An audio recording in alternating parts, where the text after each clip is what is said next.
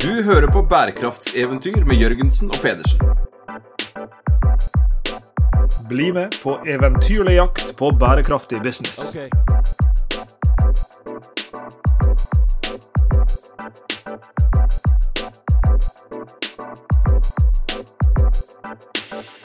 Er du glad i åpenhet, Sveinung? Det er eh, Det finnes en grense for åpenhet. Det gjør det.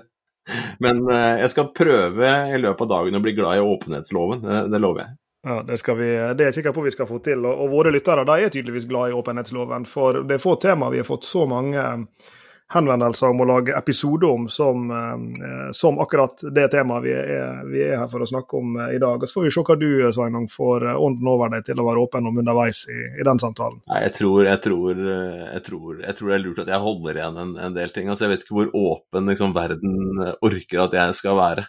Trøsten må jo være at du dette er vel faktisk en av lovene du neppe kan bryte, egentlig. Din, så du får, du får holde deg til å, å, bryte de lovene du allerede Jo, men vi er jo inne på et, et spennende tema her, liksom. Vi har jo brukt pølsa før, ikke sant. Hvordan er denne pølsa lagd? Og, og det er jo ikke alltid når man sitter og dytter eh, en 20-30 eh, cm inn i, i, gapet sitt at man har lyst til å vite hvor den pølsa kommer fra. Eh, men her skal vi jo inn på et, et område hvor vi skal få vite litt om, om, skjorta vår, og om kanskje bilen vår, og om klokka mm. vår, og hva nå det enn vi har kjøpt oss eller ønsker å kjøpe oss, og, andre også skal få innsyn eh, i ting som kanskje ikke alltid vi ønsker innsyn i. For det er jo litt vondt, dette her. Altså, hele, hele anslaget til denne samtalen, hele anslaget til loven, det er jo litt det der som Det, der, det er jo litt sånn pølsemetaforen. Jeg, jeg bruker den helt eh, og, og, med vilje her, for er det egentlig alt vi ønsker å vite? Selvfølgelig er det jo det.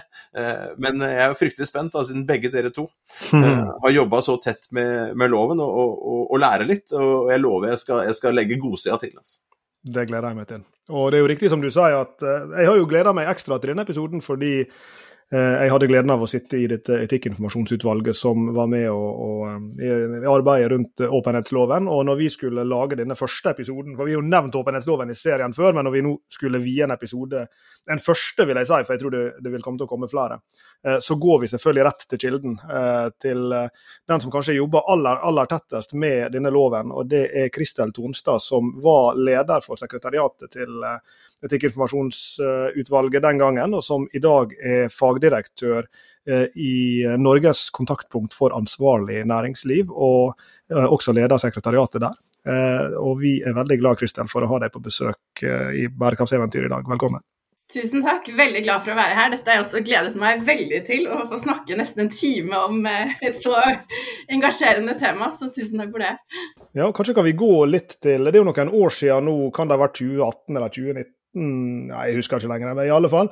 Så fikk jeg en hyggelig telefon eh, fra eh, et, et, departement som, som drev og satte sammen denne, denne dette utvalget, og som du var sekretariatsleder for. Og, og Det betyr jo også at du var med fra starten på et vis her. Og, og, og kanskje, kanskje, vi kan begynne med starten og med litt sånn historikk. Altså for, sånn, ja, for det første, sånn, hva, hva, er åpenhetsloven for noe, og, og, hvor er den kommer fra? Hva er liksom det bakenforliggende problemet som denne loven er meint å løse? Og, dette her er jo også selvfølgelig en, en del av en det, internasjonal bølge av lignende typer lovgivning og lignende typer eh, forsøk på å, å ja, løse et eller annet problem med åpenhet. Og hva er dette problemet, og hva er det disse lovene skal gjøre for å løse det? Ja, Vi må jo gå litt tilbake da, når vi skal tenke på bakgrunnen altså for åpenhetsloven. Hvordan, hvordan, dette hele begynte. Altså Etikkinformasjonsutvalgets arbeid det begynte jo i 2018. Men selve arbeidet og ideen og tankegodset rundt dette, det var egentlig tilbake til Rana Plaza-tragedien i 2013 i Bangladesh. Der det var eh, sant, en stor bygningsmasse som raste sammen. Eh, det var over 1000 eh, arbeidere, som ble drept, og flere 2500 i hvert fall som ble skadet. Det satte søkelyset i veldig mange land på arbeidsforholdene i leverandørkjedene. Det var jo flere vestlige selskaper som hadde produksjon på Rana Plaza. Det var store kampanjer eh, i en rekke land, og store, mye skriverier i media om, om nettopp dette, altså tekstilarbeideres eh, arbeidsforhold. Og da var det jo faktisk, eh, tror jeg, Framtiden i våre hender som igangsatte en større kampanje, en underskriftskampanje, eh, som handlet om dette med at vi må vite mer. Forbrukere og organisasjoner må ha en rett til å vite om hvordan varer og tjenester er produsert. En slik rett finnes ikke per i dag. ikke sant? Vi har, eh, jeg tror dere har vært inne på tidligere, miljøinformasjonsloven. Vi har en rett til å vite om miljøpåvirkning, men altså ikke en rett til å vite om arbeidsforholdene på produksjonssteder rundt om i verden. Eh, så det var jo liksom startskuddet. Kampanjer i, i en rekke land, og da også i Norge. Politikere engasjerte seg, sivilsamfunnsorganisasjoner engasjerte seg. Eh, og så fikk jo dette selvfølgelig også et, et stort eh, engasjement og oppmerksomhet på Stortinget. Og, og, Stortinget, da var det faktisk to sånne to runder med anmodningsvedtak, der Stortinget ba regjeringen om å nedsette et utvalg, eller å utrede om det var mulig og hensiktsmessig å pålegge norske virksomheter en, en plikt til å informere om samfunnsansvar og arbeidsforhold i leverandørkjeden.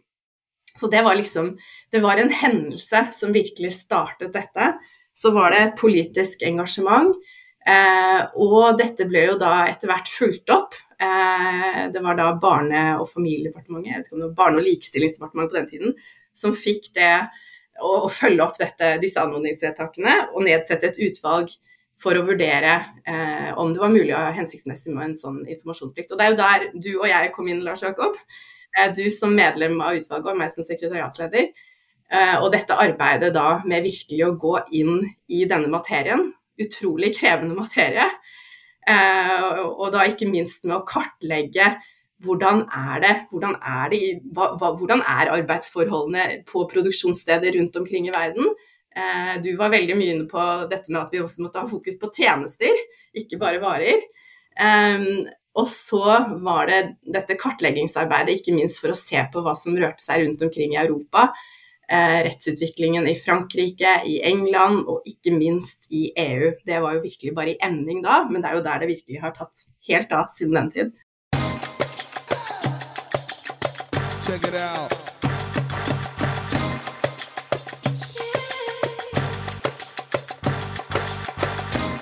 før Sveinung skal få lov til, for jeg vet at han har noe å spørre om, men jeg, ble litt sånn smånostalgisk her. Jeg har et lite oppføringsspørsmål. fordi um, dette her var jo en periode Sveinung, der jeg hadde akkurat uh, begynt å skulle lære meg å si nei til ting. Husker du denne perioden her? Uh, det gikk jo gikk sånn passe. Men, jeg syns du har sagt nei til meg i mange år. ja, jo, jo, jo, jeg er selektiv på, på disse greiene her. Men, men, i alle fall så klarte jeg jo ikke å si nei til det her, og det er jeg veldig glad for. Uh, og, og um, jeg, jeg, var jo nær sagt en av mange i ditt utvalg, så jeg hadde bare lyst til å følge opp med en liten ting der, apropos sånn hvordan pølser blir laga, eh, for å fortsette med den pølsemetaforen, Kristel. fordi vi bruker jo begrepet utvalg her, og du henviser til at ja, det var et utvalg. Kanskje du også bare helt kort for, for lytterne sin skyld her kan, kan fortelle litt om liksom, utvalget og sammensetninga. For det er jo en, en del av, av liksom, historikken her også. Hvordan er det en slik lov blir, blir til? Liksom? Så mm. sier du dro det der bakteppet. Hvordan er det en setter sammen et sånt utvalg, og hvilke hensyn eh, var det som ble tatt der? Og så skal Sveinung Jørgensen få lov til å følge opp etterpå. Ja, det var jo Barne, altså det var jo barne- og familiedepartementet da, som, som hadde denne, dette, oppgave, denne, altså dette oppdraget med å nedsette utvalget. Og, og, der tror jeg de hadde veldig mye fokus på at det skulle være et bredt sammensatt utvalg. Et utvalg med spisskompetanse, altså, og et utvalg som representerer ulike interesser. Eh, og det er jo altså Man nedsetter jo utvalg for å utrede forskjellige spørsmål, altså, enten det er spørsmål om en, en ny lov, som det var i dette tilfellet, eller andre politiske spørsmål. Her var det faktisk eh, nedsatt altså med et mandat da fra, fra Barne- og familiedepartementet. Så er det jo et uavhengig utvalg, så man, man har jo ikke noe sånn, her, her, noen føringer, bortsett fra at her er det disse spørsmålene dere må se på og, og levere på. Eh, og sammensetningen av dette utvalget, det var jo da med forskere, sånn som deg, Lars Jakob, og Ola Mestad, som er professor ved juridisk fakultet, som ledet utvalget. Eh, også Caroline Ditler Simonsen fra BI og, og Mark Taylor, som også er forsker. Eh, og så var det representanter som ble eh, foreslått av fra, eller oppnevnt fra NHO og LO. Eh, og så var det fra Forbrukertilsynet et medlem, i og med at dette handlet om rett til informasjon for forbrukere. Og det var veldig mye fokus på den biten i begynnelsen. Det endret seg jo litt underveis, det kan vi komme tilbake til. Eh, og så var det også eh, et medlem fra Initiativ for etisk handel. Så et bredt og godt sammensatt utvalg, og så da med et fulltidssekretariat som, som, gjør mye av forberedelsene, skrivearbeid og den type ting. Um, men, men, mandatet her, det må jeg si noe om, for det var interessant. Altså, uh, det het ikke sant, 'utrede en etikkinformasjonsplikt'. uh, og ikke helt enkelt å få hva, hva er nå det? Etikk er så mangt. Eh, og så var det det at det var fokus på samfunnsansvar, altså hvordan virksomheter jobber med samfunnsansvar i leverandørkjeden. Og dette er jo, for de av oss som har jobbet med dette feltet en stund, et litt sånn kanskje gammeldags måte å angripe det på.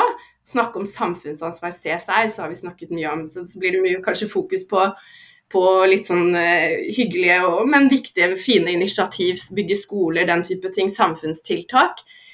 Men det har jo skjedd enormt mye på dette feltet eh, som gjorde at eh, arbeidet til utvalget tok en litt hva skal man si, bredere innfallsvinkel, eh, og, og, tok da veldig mye utgangspunkt i det som har skjedd internasjonalt på dette feltet i løpet av de siste ti-tolv årene. Aller viktigst er jo eh, FNs veiledende prinsipper for næringsliv og menneskerettigheter i 2011. er Banebrytende. Og det tankegodset som kommer derfra, det er jo det vi ser både i åpenhetsloven, men også i regelverksutviklingen i EU og i en del andre land. Så, så det begynte på et sted med, med et eh, mandat eh, som handlet om rett til informasjon for forbrukerorganisasjoner om samfunnsansvar i virksomhet og leverandørkjeder. Og så ble det da Altså utvalget tok en bred Hva sier man? En bred pensel. eh, og, og, og, tok virkelig utgangspunkt også i de internasjonale retningslinjene og rammeverkene som vi har på dette feltet. Um, og gikk også utover, eller i tillegg til da, dette med rett til informasjon for forbrukere og organisasjoner, så kom man vel ganske raskt fram til at her var det ikke nok med en rett til informasjon, man måtte også ha faktiske plikter. Altså plikt til å gjøre såkalte aktsomhetsvurderinger og plikt til å iverksette tiltak. En, en, rapporteringsplikt eller en rett til informasjon det er et viktig virkemiddel. Også et viktig formål i seg selv med åpenhet. Eh, men her kom utvalget ganske raskt fram til at det var behov for noe mer. Før det, dette her, fantes det da en rett du nevnte det så vidt, men en rett til å vite om de miljøaspektene i verdikjeden? Var det allerede etablert? Det var, altså Vi fikk jo i Norge miljøinformasjonsloven på begynnelsen av 2000-tallet. Eh, og den er jo egentlig basert på internasjonal konvensjon, Århuskonvensjonen om rett til informasjon og rett til å delta i prosesser som har på miljøområdet. Det man gjorde i Norge med miljøinformasjonsloven var annerledes enn det man har gjort i andre land, og det var det at man hadde denne retten til informasjon om miljøpåvirkning også fra virksomheter. Den er ikke like tydelig på leverandørkjeden.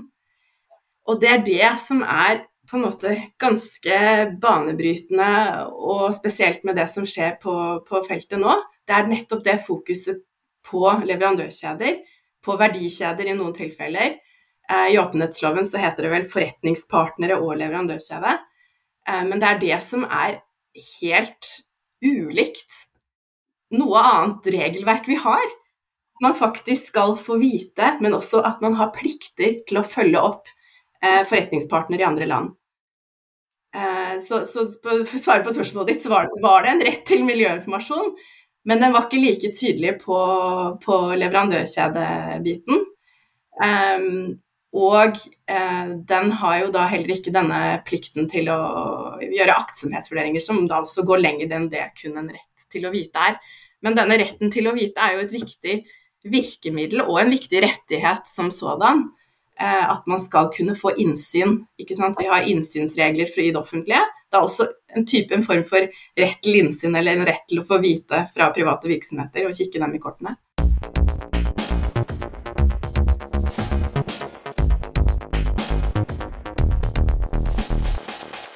Jeg fikk jo aldri den e-posten som Lars Jakob fikk, eller de telefonsamtalene. Eh, men hvis du driver og trente på å si nei på den tiden her, så er jeg fryktelig nysgjerrig Lars Jakob, på, på, på, hvorfor dette her liksom vippa over på andre, andre siden. For du, du har, jeg har notert nå for harde livet mens du, mens du prater her om etikkinformasjonsutvalget. Altså Jeg sovner jo bare jeg prøver å stave det, og ikke klarer jeg å lese det, for jeg skriver jo så stygt. Eh, men jeg huska det så vidt. Eh, anmodningsvedtak, det er informasjonsplikter, det er rettigheter, det er etikkinformasjonsplikt. Og det er til slutt en, en lov som skal lages. Dette her eh, uh, Unnskyld meg, Lars Jakob. Eh, dette her er langt unna de greiene du i hvert fall pleier å, å, å snakke om ellers. Skal jeg fortelle liksom live on air her, helt ærlig, hva det var som skjedde? Jeg hadde faktisk lov til å komme tilbake igjen og svare mange ganger. Og så hadde jeg blitt purra på mange ganger. Og så var jeg og du på vei inn eh, for å holde et seminar for eh, alle eh, toppledelsen i et norsk, stort norsk retail-konsern. Eh, og så sto jeg i sola ute på Bygdøy, eh, og så ringte telefonen igjen, og så tenkte jeg å nei, nei, han der igjen. Og så måtte jeg rett og slett bare Vi, vi hadde ikke tid til noe annet, så jeg måtte bare si ja. Så det var faktisk det som eh, er den virkelige historien bak hvordan jeg ble med. Og det er jeg fryktelig fryktelig glad for. Ja, ja, ja. Eh, fordi dette her var altså eh, så vanvittig lærerikt. Og selv om, helt riktig som du sier, dette er et godt stykke utenfor min komfortsone. Selv om jeg har jobba med samfunnsansvarsspørsmål og sånne ting i, i, i, mange år. Jeg har vel fortsatt, tror jeg, business ethics i tittelen min. Så, så, er jo dette her Dette her er jo eh, ja, det er hard materie. Og takk og lov for at det var så mye flinke folk eh, rundt meg i dette utvalget som kunne mye mer enn eh, en det jeg kunne. Det var dagens ja, var, Du, vi begynte på å snakke om vi skulle være åpenhet. Der, var, der fikk du den. Så åpne kan vi altså være i 2023. Men hadde du et spørsmål inni der sånn utover det? Nei, jeg, jeg, har, jeg, har, mange spørsmål og, og, og, litt sånn kommentar. fordi jeg skulle jo hjelpe deg ut av den knipen, Lars Jakob. For en ting er jo liksom Og hva sa du ja til? Men jeg har jo si, gått ved siden av deg i den perioden du har vært der. Eh, med reisene, møtene, diskusjonene, spenninger eh, internt, som, har blitt nevnt litt her, på, på, på, på produkter kontra eh, tjenester. Det å skjønne verdikjeder. Det å, altså, de, der, de ulike typer nyanser her så vet jeg at dere har hatt ekstremt mye at det er gøy eh, underveis og lært mye underveis. Eh, og så har det kommet ut en, en, en lov på andre siden som, som, som, faktisk har betydning. Så det har vært, det var, jeg vet du har hatt det bra underveis, men, men eh, som sagt, jeg, jeg, har egentlig ikke helt visst denne, denne, grunnen. Men det overrasker meg jo ikke. Men en ting som jeg og du snakker mye om, Sveinung, og kanskje kan vi utfordre Kristel til å kommentere det. For du var så vidt inne på det i forbifarten i sted, Kristel, at dette her var jo dette kom jo som et um, altså Utgangspunktet var at forbrukere vet for lite og bør få vite mer. Uh, og Derfor ble jo dette plassert på forbruker, og det lå, eh, som du var inne på i stad, en sånn pussig greie. Det ligger under Barne- og var det likestillingsdepartementet det heter den gangen, Barne- og familiedepartementet nå, fordi at det er der forbrukerspørsmål ligger. Um, og i den grad jeg hadde noen påvirkninger, så var jo en av mine kjepphester som, som uh, jeg brakte opp igjen igjen og igjen, det at jeg egentlig var ganske skeptisk til dette premisset om at de store endringene her ville komme til å skje. Hvis det er endring vi er ute etter, da. Eh, at endringene ville skje fordi at forbrukeren ble mer informert. Og, og, og, og, dette var jo en, en, levende samtale vi hadde gjennom, gjennom hele prosessen. Og nå er ikke jeg noen motstander av at forbrukere skal få informasjon, bare så det er sagt, men, men det er jo en sånn interessant liksom sånn balansegang, eller, eller sånn ikke trade-off, det blir ikke helt rett, men liksom Hvorfor er dette til? Er det til for forbrukerens skyld, eller kanskje heller hvordan er det endring skjer? Eh, mm. Eh, og, og, hva bør loven gjøre? Og, og, Jeg er jo veldig glad for at vi endte, som du sa, med en sånn, ja, det er noen tiltak her. Sånn, en bedrift må nå gjøre disse typene aktsomhetsvurderinger, f.eks. Så det er noen ting bedriftene må gjøre, som går utover å bare plukke opp telefonen og Sveinung ringer og spør hvor, eh, hvordan pølsa er blitt laga. Liksom. Eh, det går altså ganske langt forbi bare den ja, liksom behovet for å informere en forbruker som ønsker informasjon. Kan, ikke du eh, liksom eh, riffe litt over den der tematikken? For Der, der syns jeg det er en interessant greie ved hele både utviklinga av loven, men også hvordan den nå skal fungere. Det var jo virkelig et av de spørsmålene som ble mest diskutert, hvor det kanskje var, hvis man kan være åpen om det også, hvor det var en del uenighet innad i utvalget. Uh, og her man også, så man jo også hen til forskningen på forbrukerfeltet, og utvalget var jo faktisk i en tur til, altså hos, uh, på Handelshøyskolen og, og, fikk høre fra særs gode forskere som, som, visste mer om dette enn en kanskje enkelte, enkelte andre. Uh, så det var, jo, det var, jo, virkelig et, et litt sånn omstridt spørsmål. Er det dette som på en måte blir en tipping point? Er det dette som, som vil endre, endre forholdene på, på, fabrikker rundt omkring i verden. Eh, ganske Altså, så, så, det var vel også på dette punktet det var en, en dissens. At det var også dette spørsmålet man skulle ha en rett til å kunne spørre muntlig i, i bedriften om, om, eh, om, den type spørsmål, om, om eh, arbeidsforholdene.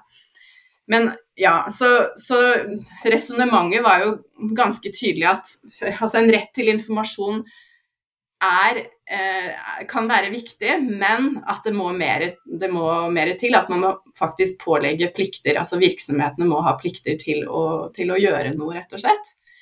Eh, og så kan man jo også se på en del av de kampanjene på disse spørsmålene også nå, at handler det om oss, altså oss som forbrukere, eller handler det om eh, de som jobber på fabrikkene rundt omkring? Altså Noen ganger så kan det kanskje bli mer fokus på vi, vi må ha en rett, vi vil ikke gå med den type klær. Men hva er det som egentlig vil føre til endring for de det gjelder, altså for såkalte rettighetshavere, om man kan bruke det ordet, i den andre enden? Eh, så jeg tror nok det var eh, en viktig grunn til at, at eh, utvalget gikk inn for nettopp da en plikt til å utføre aktsomhetsvurderinger. og så er det jo ikke bare vurderinger, det ordet er litt sånn tungt og litt misvisende kanskje på noen måter. Det er jo ikke bare vurderinger. det handler vel så mye om en plikt til å iverksette tiltak for å, å rette opp skade der det har skjedd altså gjenoppretting og erstatning også. Det er en del av plikten til å utføre aktsomhetsvurderinger i åpenhetsloven. Eh, og det er jo kanskje der man tenker at, at, det er den type plikter som virkelig vil føre til, til endring. Eh, men, men, en rett til informasjon for forbrukere, også da organisasjoner, kan være en, en del av det som er med på å bevege eh, utviklingen i en, en bærekraftig retning.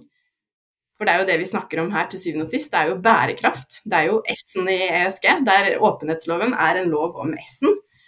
Selv om den har et litt mer tungvint navn. altså Lov om virksomheters åpenhet og arbeid med grunnleggende menneskerettigheter og anstendige arbeidsforhold. Men det er S-en i ESG.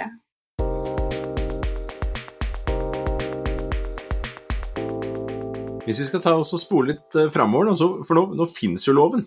Uh, uh, hva er det dere ser nå, nå som loven er blitt iverksatt? Det er så utrolig mye som skjer. Det er jo utrolig interesse. Det er en lov som et enormt, skaper et enormt engasjement. Eh, først og fremst. Det tror jeg man ser på, på, ulike studiesteder, men også i næringslivet. At det er en lov som, som virkelig det er et engasjement rundt, og et stort eierskap til. Eh, en åpenhetslov. Eh, og så er det en del utfordringer kanskje med tanke på å tolke loven. Det er enkelte ting som kanskje ikke er helt krystallklare. Eh, og så er det mye fokus nå på denne rapporteringsplikten, eller eh, plikten til å, å, levere en redegjørelse om selskapets aktsomhetsvurderinger. Den, eh, den, fristen er nå, første fristen for åpenhetsloven å levere redegjørelse, det er slutten av juni.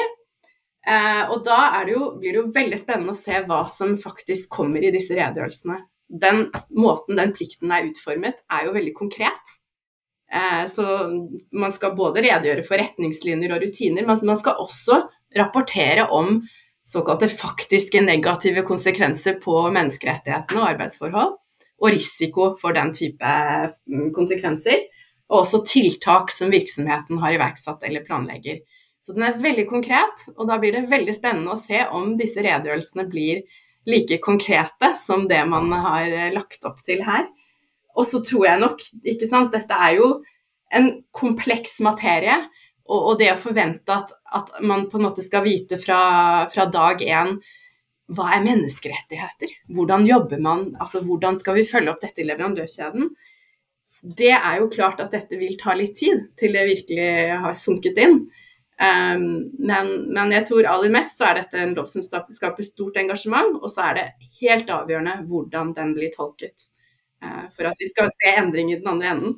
Betyr det at det er en slags nesten sånn amnestiperiode, fordi at det er såpass ungt at man trenger litt tid å se hvordan rapporten er, øh, hvordan dette er fulgt opp øh, og sånne ting, eller, eller vil det øh, Altså er det liksom Er det nå det begynner? Det er jo nå det begynner. Eh, og så er det jo tilsyn med denne loven. Forbrukertilsynet skal føre tilsyn med loven, at, at den blir fulgt eh, etter sin hensikt. Så, så, det er klart at dette er jo alvor eh, allerede nå. Men så tror jeg det har vært uh, tydelig kommunikasjon fra, fra ulikt hold da, om at, at, dette er et, et langsiktig arbeid, uh, og at uh, ikke minst er det behov for mange for veiledning. Og det er jo noe av det vi gjør i OCDs kontaktpunkt for ansvarlig næringsliv. vi gir veiledning og informerer om om hvordan å gjøre gode aktsomhetsvurderinger. Eh, det som er spesielt med åpenhetsloven, er jo nettopp at man har skrevet såkalt soft law inn i hard law. Skrevet OECDs retningslinjer for ansvarlig næringsliv inn i loven. Så da er det i hvert fall veldig tydelig, på, tydelig hvordan man skal gjøre dette. Man skal følge denne metoden eh, som, eh, som, ligger i OECDs retningslinjer og veiledning for aktsomhetsvurderinger for ansvarlig næringsliv. Jeg må hive meg på et spørsmål til her. Altså, soft, du, du, du sier det som er det mest liksom, naturlige ting i verden, og det er det sikkert når man er jurist, liksom, men uh, myke og harde lover. Det, det, og så sier du med sånn utrolig entusiasme, så jeg må bare liksom uh, du, kan, du, kan, du, kan du Jeg tror ikke du trenger å oversette til norsk, for den, den tok jeg nå. Men hva i all verden er det du sa nå? Ja, men det er, det er bra du spør, fordi det, ja, altså, Hva skal man si? Altså, softlaw retningslinjer, altså normer. Men det er ikke rettslig bindende. ikke sant? Så vi har OECDs retningslinjer for eh, ansvarlig næringsliv. Og de er jo eh, bestemt av myndigheter, men de er anbefalinger til næringslivet. Så det er ikke sånn at hvis du bryter de retningslinjene, så får du en bot. Men eh, så har jo dette, det, det, som skjer nå, både i Norge da, med åpenhetsloven og det regelverket vi har i EU, er at det blir faktisk jus av det. Så det som tidligere har vært eh, retningslinjer, noe av det kommer inn i lovverket. Og da er det mer alvor. Det blir tatt mer alvorlig. Um, og det vil jeg Altså, nå skjer det jo altså, Man snakker jo mye om at det er en flom av regler som kommer på dette feltet. Og det kan være litt komplekst å navigere. Vi har taksonomiforordning, vi har offentliggjøringsforordning, Sustainable Finance Disclosure Regulation. Nå har vi også EUs direktiv om selskapsrapportering om bærekraft, CSRD. Og så har vi noe som da trolig kommer, eh, et direktiv i EU, altså et regelverk i EU, om aktsomhetsvurderinger med hensyn til bærekraft.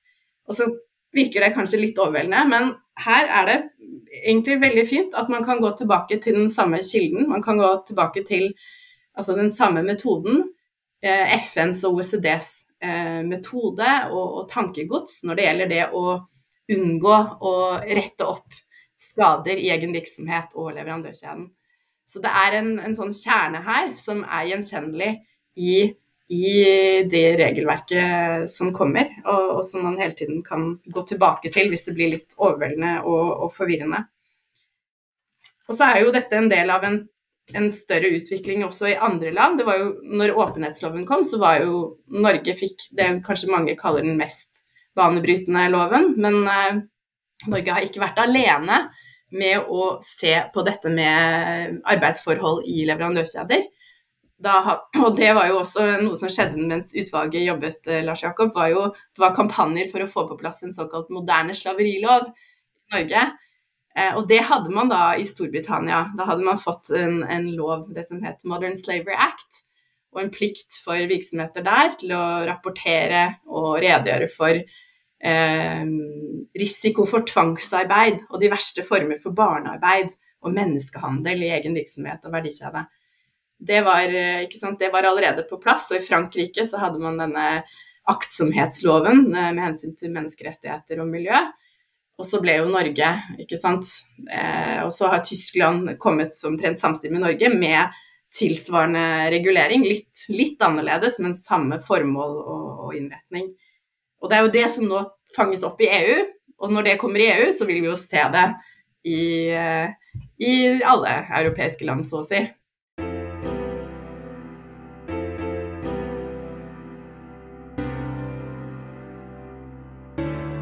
Det er jo mye snakk om om dagen at det skal komme en sånn uh, EUs taksonomi 2.0 på et vis. Den, den, sosiale taksonomien. Og der ligger jo noe inne i Der ligger jo et liksom, sosialt gulv inne i, i, i, taksonomien slik den er nå. Jeg husker ikke helt uh, formuleringa, men det går jo på liksom å, å unngå de mest alvorlige former for menneskerettighetsbrudd, eller et eller annet i den duren. og så forventer en vel nå at det skal komme noe som ligner på den taksonomien som, som allerede finnes, for, for, ting som har med det sosiale å gjøre. I hvor stor grad forventer du at det vil altså, minne om eller overlappe med eh, disse typene lovgivning, og, og, hva er i så fall implikasjonen av det? Altså Når du da har alle disse ulike nasjonale lovgivningene som minner om hverandre, men som du er inne på er litt ulike. Modern Slavery Act er ikke lik den norske loven, den er ikke lik den franske, men, men de har noe til felles. Og så Hvis det da kommer en sånn her overgripende i, i EU, hvordan vil nær sagt dette se ut uh, etter hvert? Altså, det er jo veldig betimelig, for det skjer jo akkurat nå, disse forhandlingene i EU, med det de kaller CS-trippel-D. Altså, vi trenger jo litt flere akronymer på dette feltet, gjør vi ikke? Det er jo absolutt. Eh, så det er jo den Corporate Sustainability Due Diligence Directive. Eh, og der, det er jo den som vil på en måte bli overbyggingen og paraplyen eh, når den da endelig blir vedtatt i EU. Nå har Europaparlamentet de har lagt fram sin, altså, sin posisjon, de mener, hvordan de mener dette direktivet må se ut. Og En av spørsmålene her har vært sant, hvor skal man sette terskelen hvor stor altså, omsetning og hvor mange ansatte eh, skal til for at man blir omfattet av denne type regulering. Her er Norge det landet som, eh, som har, tatt eh, bredest anslag, og, og hvor terskelen er ganske lav. Men det er et av spørsmålene. Og så er det også spørsmålet om hvor tett man knytter seg opp til de internasjonale retningslinjene, altså de soft law-instrumentene vi har fra OECD og FN. Og Tidligere forslag i EU har blitt mye kritisert for at det er for det avviker for mye fra det som allerede er etablert. Og det har man prøvd å, å, å nå rydde opp i, tror jeg. Så, så, det går nok mot at det blir en, en, en, bedre harmonisering. Og der er det jo veldig positivt at åpenhetsloven allerede er ganske godt eh, i tråd med de internasjonale retningslinjene. Så, men så er det alt det, det arbeidet som, har, som begynner med finanssektoren og bærekraftig finans og denne taksonomien, og, og, det er jo også et spor. Vil det bli en sosial taksonomi? Jeg tror i hvert fall at de jobber i EU for å koordinere seg, sånn at man får mest mulig likt, altså like krav fra alle kanter. Like krav til uh, finans som man har da til selskapene, sånn at det blir en, en, en sammenheng i, dette regelverket. Men uh, ja. Og så er det jo altså en ting som jeg tenker mye på, da, som kanskje ikke har vært så mye fokus på, er det liksom er dette med hva gjør man når en skade har skjedd. Det er, det er også et viktig tema i, i, EUs regelforslag, eller forslag til direktiv. Det er jo dette med erstatning. Altså skal man ha en rett til erstatning, gjenoppretting, der virksomheten har forårsaket eller bidratt til menneskerettighetskrenkelser. Det er et kjempestort spørsmål, og det blir veldig spennende å se hvordan, hvordan det lander til syvende og sist. Men nå merker jeg at Sveinung kanskje vil, vil eh, tenke seg litt om. Nei, du, det, jeg, vet du hva, jeg sitter her med en, en skjerm rett over meg, så sitter jeg og, og, hører på deg. Men jeg sitter jo også og leser da lov om virksomheters åpenhet og arbeid med grunnleggende menneskeretter og anstendige arbeidsforhold. altså Kortforklaringen, åpenhetsloven. altså når du, når du prater her, da. EU, taksonomi, rapportering, det softe mot det harde, hvilken vei dette her går. Uh, så titter jeg og tenker på disse selskapene, for jeg, jeg, satt, jeg, jeg satt ikke og leste hele loven, men jeg satt og titta på, på, på ja, men, men, det kunne man jo fort gjort. Den er jo ikke så, ikke så lang.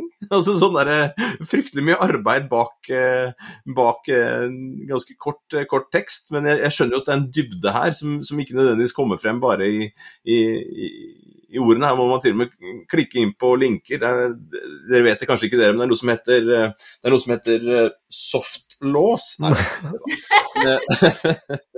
men, men, eh, men det, er ganske mange virksomheter som, som, sitter i disse dager og rapporterer. Ca. 8000 stykker. Er, er, det, er, det, riktig, eller er det flere eller mindre? Det er vel 8000-9000 som, som skal levere redegjørelser innen 30.6. Det er mange som sitter og tygger på dette nå, ja. ja og Hvor lange antar, forventer dere at uh, de blir, disse rapportene? Det syns jeg er veldig vanskelig å si. Jeg tror det varierer veldig. Det er jo en del virksomheter som har jobbet med dette lenge, og som allerede har rutiner å rapportere allerede. Og så er det de dette er nytt for, så man forventer jo kanskje mest av de aller største og de som allerede har jobbet med eh, sosiale forhold og, menneskerettigheter i, over tid. Da. At man forventer mer av de. Men eh, det er vanskelig å si hvor, eh, hvor, hvor dyptgripende eller hvor dyp, dype disse rapportene blir nå.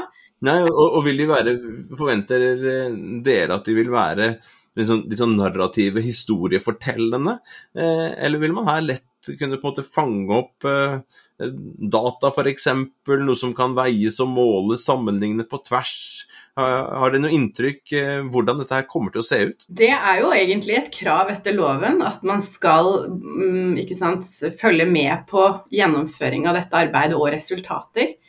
Og sammenligne fra år til år, og også kunne dokumentere eventuelle forbedringer. Så det er jo en del av kravet her. Eh, og så kan man kanskje ikke forvente det, de aller største endringene på, på ett år, men det er litt vanskelig, vanskelig å si, rett og slett. Og så er jo dette en, som sagt, dette er en krevende materie. altså I OECDs kontaktpunkt så behandler vi klager på dette feltet, altså knyttet til OECDs retningslinjer. Veldig mange av disse klagene det handler om menneskerettigheter, arbeidsforhold, og så handler det også om forhold i leverandørkjeden. Og det, det er jo på en måte the devil is in the details. Man må ganske dypt inn i det for å gjøre en vurdering opp mot menneskerettighetene. Eh, nå har vi hatt noen saker eh, som, som, jeg tror kan gi viktig lærdom eh, til andre selskaper. Vi har hatt eh, klager mot Telenor i Myanmar som, har, eh, som, eh, som kan være til nytte man, hvis man skal se litt etter hva er det, hva er det man bør rapportere her, da. men, men det er, jeg tror nok det har vært mye fokus på rapportering men rapporteringen er jo kun et virkemiddel for å fortelle om hva man faktisk har gjort. Og så er det mye rådgivning på dette feltet nå, mange konsulenter som, som, som gir råd, og advokatfirmaer. Men mye av dette må faktisk gjøres inhouse. Det må gjøres i det enkelte selskap. Og, og, det er jo bedriften selv som vet hvor skoen trykker, hva de største risikoene er.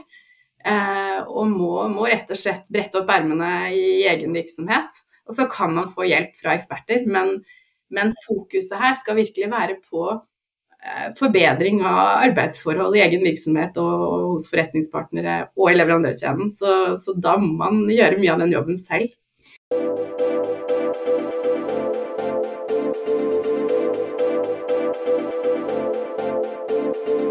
Jeg håper du er mye på fest, Kristel. Men hvis, hvis, vi tar det som et, ja, det håper jeg også. Hvis vi, hvis vi tar det som et, hvis vi tar det som utgangspunkt at du er på fest, liksom, så sier du Hei, du, ja, hva gjør du da? Nei, jeg jobber i OECDs kontaktpunkt for ansvarlig næringsliv. Er det, er det, ofte da sånn at du møter folk som sier ja, det arbeidet har jeg fulgt lenge, og dere, den, den, virksomheten kjenner jeg godt til. Eller møter du noen gang litt tomme blikk? Det hender at jeg møter litt tomme blikk, dessverre. Ehm, det er dessverre ikke Norges best kjente institusjon, men vi jobber med saken. Vi er jo liten, en liten gruppe, et lite sekretariat, få medlemmer.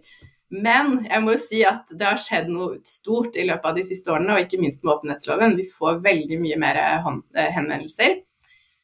Uh, og så, hvis jeg kan få lov til å ta én litt sånn nerdete ting til, så er det det at Da har du kommet til rett sted? As we speak, altså ganske nylig, så, vi, så ble OECDs retningslinjer oppdatert, og de har blitt veldig mye mer offensive på klimafeltet. Eh, det er det også stor interesse for. At, eh, at de anbefalingene som vi har i disse retningslinjene, eh, virkelig er ledende når det gjelder alt som har med ansvarlig, ansvarlig forretningsdrift å gjøre. Det tror jeg vi kan si at de har nå, og så må vi gjøre en kjempejobb med å informere mer for at vi skal bli litt, litt bedre kjent. Men, men, det har skjedd. Men det, det, var virkelig ikke sånn ment. Jeg bare tenker når du, du nevnte det, Vi har vært inne på OECD flere ganger, og, og, det er sånn man gjerne hører om på nyhetene når det er et eller annet toppmøte, på en måte. Eh, altså sånn i, i, For oss da som ikke vasser dette til, dag, til daglig, så, så, har vi ikke så Jeg tror ikke det er så veldig mange Eh, som har et så veldig sånn dypt forhold til hva det egentlig er. Og så på toppen av det hele så kommer dette her kontaktpunktet eh, i tillegg. Så hvis du skulle tatt liksom heispitchen på hva OECD er for noe, du, hva, er det du, hva er det du sier over den der første drinken for å prøve å ha en litt lengre samtale med noen etterpå? Jeg prøver å ikke snakke altfor mye om OECD, rett og slett. Nå har du sjansen. Nå har du sjansen. Så da snakker jeg heller om åpenhetsloven, for det er litt mer sånn OK, det er jo flere som har hørt om og har et forhold til. Og så er det det at alt som har med altså, ansvarlige virksomheter å gjøre. Så det er eh, sant, anbefalinger om menneskerettigheter, om miljø, om skatt, ikke minst. Så, så, det er det dette handler om. Og så er det det at vi, vi skal fortelle om hva disse anbefalingene er. Eh, og så skal vi da også behandle klager der det er en påstand at virksomheter ikke har fulgt disse anbefalingene. Um, så det er jo det vi gjør i kontaktpunktet. Og disse kontaktpunktene, vi har, møter denne uken her. Da møter vi tilsvarende organer i, uh, i andre land. Altså i land som er OECD-land, Organisasjonen for økonomisk samarbeid og utvikling, men også andre land som har sluttet seg til disse retningslinjene. Og det er ganske spesielt at de retningslinjene her de har vært her lenge, helt siden 1976. Um, og hvem skulle tro det? At, at, man i en større internasjonal organisasjon som jobber med økonomiske spørsmål, har vært opptatt faktisk av dette med ansvarlighet helt siden 70-tallet. Eh, det syns jeg er ganske inspirerende og fint. Og også nå at vi har fått litt mer offensive anbefalinger på klima og, eh, og tilknytt, altså Parisavtalen, referanser til Parisavtalen. og og det at du sitter så tett på næringslivet gjennom kontaktpunkt, og selvfølgelig også med historikken fra, fra Etikkinformasjonsutvalget, Kristel, det gjør jo at jeg går ut ifra at du både ja, ser fram mot denne rapporteringa som kommer med, med, spesiell interesse, men kanskje også med en forforståelse som, som mange, ja, om ikke mangler, så i hvert fall sitter du vel på en del data og innsikt som gjør at, at du kanskje kan ha litt kvalifisert eh, synspunkt på, på hva som kommer. og jeg, jeg vet ikke hva du kan eh, snakke om og ikke, men jeg tenker på når vi, når vi dro på, på, um, på studietur til, til Frankrike og, og, England i forbindelse med Ja, nå skjønner jeg at du sa ja, Lars Jakob. Ja, nå, nå kom jeg på det. Bare fortsett. Bare, bare fortsett. Bare fortsett, bare fortsett. Ja, det var så gode sånne makroner på telefonen. Eh, men, men da, noe av det som gjorde aller mest inntrykk på meg, eh, husker jeg, det var eh, tidligere Jeg mener han var tidligere politisjef i London, kan det stemme, og nå var han i Dublin, mm. som, som, ga konkrete eksempel på, på forekomst av, av, moderne slaveri innenfor Londons bygrense mens han var, han var eh, politimester, eller hva nå enn begrepet var. Eh, der, og, og, og liksom, jeg tror Der er nok antakeligvis et slags sånn informasjons- og innsiktsvakuum for veldig mange, med tanke på hvor tett på oss disse bruddene eh, kan være. Fordi du, du begynte med, med Rana Plaza, og de, de, fleste kjenner til problemstillingene rundt sweatshops og rundt barnearbeid liksom på en eller annen fabrikk langt, langt vekke. Eh, men noe av det som jeg syns var aller mest sånn både, både sjokkerende, men, men, også interessant på en altså hvis en skal prøve å ha et kjølig hode rundt det, var den utrolig høye forekomsten også i kall London sentrum. Enten det var i en fabrikk der, eller det var i, eh, til og med hjemme hos, eh, hos folk som, som, ansatte sin egen privatslave. Så, så dette her er jo det forekommer jo overalt, og det forekommer eh, liksom noen sted mer enn andre. og Med sted mener jeg noen kanskje bransjer er mer utsatt enn andre. Eh, og Slik vil det vel være her til lands også, at det kanskje er noen, eh, noen bransjer som svetter litt mer om dagen enn en andre. og eh, Sveinung, jeg snakker med mange bærekraftsjefer, eh, og, mange av dem har jo nevnt om dagen. Spesielt de som jobber i virksomheter som kanskje har kommet lengre på dette feltet. De forteller jo at de får en del litt sånn desperate telefoner fra andre folk som jobber i andre både andre virksomheter og andre bransjer, som, som, lurer på hvordan de skal gå fram. Nå begynner jeg å nærme meg et spørsmål her, Kristel. og det er jo sånn, hvor, tenker du at, eller, Hvilke bransjer er det du vil kikke på med spesielt stor interesse her til lands, med tanke på hvor en kan forvente at, at liksom risikoen for brudd kanskje er spesielt høy? eller ja, Du skjønner kanskje hvor jeg vil? Ja, jeg syns det er kanskje Det er nok litt vanskelig å, å si helt, helt, konkret. Jeg tror Det som er Det er klart det er noen bransjer som man, man hører mye om, og som man vet er kanskje utsatt. altså F.eks. Altså byggebransjen, det kan være store utfordringer hvor det har vært mye interesse også for denne loven. Um, men, men det man kan si også, er jo at dette angår alle. Og som du sier, så handler det ikke bare om forhold i utlandet, det handler om hjemlige forhold. Det handler om type HMS også, også, her i Norge. Nå har vi jo annet regelverk som stort sett ivaretar dette. Men når det gjelder denne oppfølgingen av leverandører, så er det, det er virkelig en, en viktig kjerne i åpenhetsloven som, som, også virkelig angår oss her hjemme.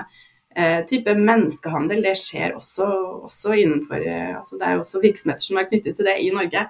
Eh, og det, det er viktig å ha med seg.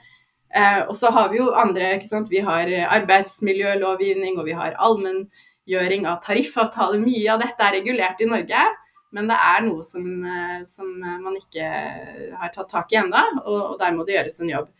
Og så tror jeg det er utrolig viktig når denne rapporteringsfristen kommer, at man prøver virkelig å rapportere konkret og, og være åpen. Og så skal man ikke bli straffet for den åpenheten. Her handler det om å få få risikoene frem i lyset og så samarbeide om å få til forbedringer på sikt også. Eh, men det er virkelig det å, rapportere konkret og, og, la selve arbeidet være kjernen. Altså, og så er det mange virksomheter som allerede eh, jobber med menneskerettigheter og kanskje ikke er klar over at det er det de gjør. At de har systemer, altså de har varslingskanaler, de har systemer og rutiner for eh, HMS. Eh, dette er også en del av det. Og så må man tenke litt bredere utover det. Man må tenke kanskje på andre menneskerettigheter. Eh, en viktig ting i åpenhetsloven, som er spesielt med denne loven sammenlignet med reguleringer i andre land, er dette med eh, lønn å leve av. Det angår også de aller fleste virksomheter. Så, så, det er ikke sånn at man kan peke og bare si at dette angår ikke meg. Vi må ta verstingene. Det angår absolutt alle. I paragraf eh, seks her, rett til informasjon. Eh, så står det at enhver har ved skriftlig forespørsel rett på informasjon fra en virksomhet om hvordan virksomheten håndterer faktiske og potensielle negative konsekvenser. Eh, gjelder, gjelder det meg òg? Altså har alle virkelig rett, og, og det står jo noen, det står noen, noen grunner til avslag fra bokstav A til D. og De som er interessert i det, kan jo lese disse bokstavene. Men hvor, hvor lett uh, Hvor høy er terskelen for å be om, om informasjon, og, og, hvem er det dere forventer vil gjøre det? Det er sånn at du har en rett som forbruker. Til og med du, Svein. Du, du, kan stille spørsmål. Du kan gå til en virksomhet som har oppfattet denne loven og stille et spørsmål skriftlig. Og så er det nok sånn at eh, de aller fleste forespørslene her de vil komme fra organisasjoner som jobber med dette. Eh, F.eks. Framtiden i våre hender. Jeg vet at de har stilt en del spørsmål til enkelte selskaper. Um, og, andre organisasjoner, Amnesty International, men også andre som organisasjoner, forbrukerorganisasjoner som engasjerer seg. Også fagforeninger. Men det er, en, det er helt riktig det som står der, og som du sier, det er enhver har rett til informasjon. Så, så, vi som forbrukere kan også henvende oss til enkelte selskaper. Men igjen, da, hvis man skal tenke på det, det, skal jo heller ikke være overveldende, sånn at man skal bruke all tiden i selskapene på å besvare disse informasjonskravene. Så det er nok bra hvis man går sammen, eh, og eventuelt gjennom en organisasjon også, eh, for å stille spørsmål og, og ha, en, ha en prosess på det. Men de som nok vet aller mest om hva det spørres om, og hvordan det ligger an med dette, det er Forbrukertilsynet. For det er jo de som da fører tilsyn med denne loven, og som mottar, kan motta klager hvis det, er, eh, hvis det ikke er svart ut på en ordentlig måte fra selskapene. Vet du noe Kristel, om, om, de landene som var før oss her, England og, og Frankrike, og som har hatt loven i, i drift skulle jeg sagt, lengre? Eh, om hvordan, altså Hva har vært effekten der? Jeg husker når vi var i Frankrike, så, så var det en av det var en eh, en sånn NGO som vi møtte, som snakka om at de drev og spekulerte på et mulig class action-lås-ut, hvis det er riktig term. Eh, Vet en noe om hvor effektfulle disse lovene har vært i de landene som har hatt dem lenger enn oss eh, så langt? Jeg tror det har vært en del forskning, i hvert fall på den Modern Slavery Act, og hvordan den har fungert i praksis. Og jeg er ikke helt oppdatert på det, faktisk, men jeg tror jeg, altså Tidlig så var det nok en tendens, i hvert fall når det var ganske tidlig, tendens til at det ble kanskje litt over, overordnet. Eh, at, at, når det er kun en rapporteringsplikt, så blir det lett å rapportere ganske sånn generelt og, og, og kanskje ikke så mye i dybden. Eh, jeg tror altså Og jeg har ikke sett hvordan, om det er noen studier på hvordan den franske loven har virket så langt. Um, men man kan nok anta og, og, håpe at det når man faktisk har plikter i bunn, når det er en plikt til å gjøre noe, til å gjøre aktsomhetsvurderinger og treffe tiltak, så vil det få en helt annen effekt. Uh, det er i hvert fall min uh, hypotese. Uh, men jeg har ikke sett på forskningen om, om det egentlig så langt. Du er inne på hypoteser. Du begynte jo ekstremt konkret da, med Rana Plaza. Eh, ti år siden i dag 1100 mennesker som, eh, som, mistet livet. og Det er jo på en måte den ekstreme varianten av det. Og så finnes det vel veldig, veldig mange mm, ikke så ekstreme, men allikevel brutale virkeligheter der ute. Bak en T-skjorte, bak en, en drue som puttes inn i en flaske vin, eller om det er en kjemikalie som har gått rundt på en eller annen tankbåt et eller annet sted som havner i en, en, en, en PC, eller, eller hvor nå enn disse kjemikaliene havner. Um, hypotetisk fremover i tid. Jeg, skjønner at det er et håp om det, men kan man også forvente at det vil bli ekstremt sett færre Rana-plasser, men også da eh, like viktig for den enkelte, altså at, at, at, folk i verdikjeden faktisk vil få bedre arbeidsvilkår? Jeg må si ja til det. At man, at man må tenke at, det er der vi vil ende opp. Og så er det jo ikke én ting som vil eh, endre alt. Åpenhetsloven er ett virkemiddel. Det er én ting som en viktig brikke i dette puslespillet. Men så må vi jo også sant, tenke på de landene hvor kanskje de verste, hvor vi vet at det er de verste arbeidsforholdene. Der må det jo virkelig nasjonale virkemidler til. Eh, så det er jo ikke sånn at, ut, at man utenfra virkelig kan eh, Men man kan bidra, og jeg tror åpenhetsloven er en viktig del av, av et større puslespill der virkelig de eh, både virksomhetene, men de landene. Altså man må ha reguleringer og tilsyn, og ikke minst god samvittighet. Det blir spennende å eh, se i tida som kommer.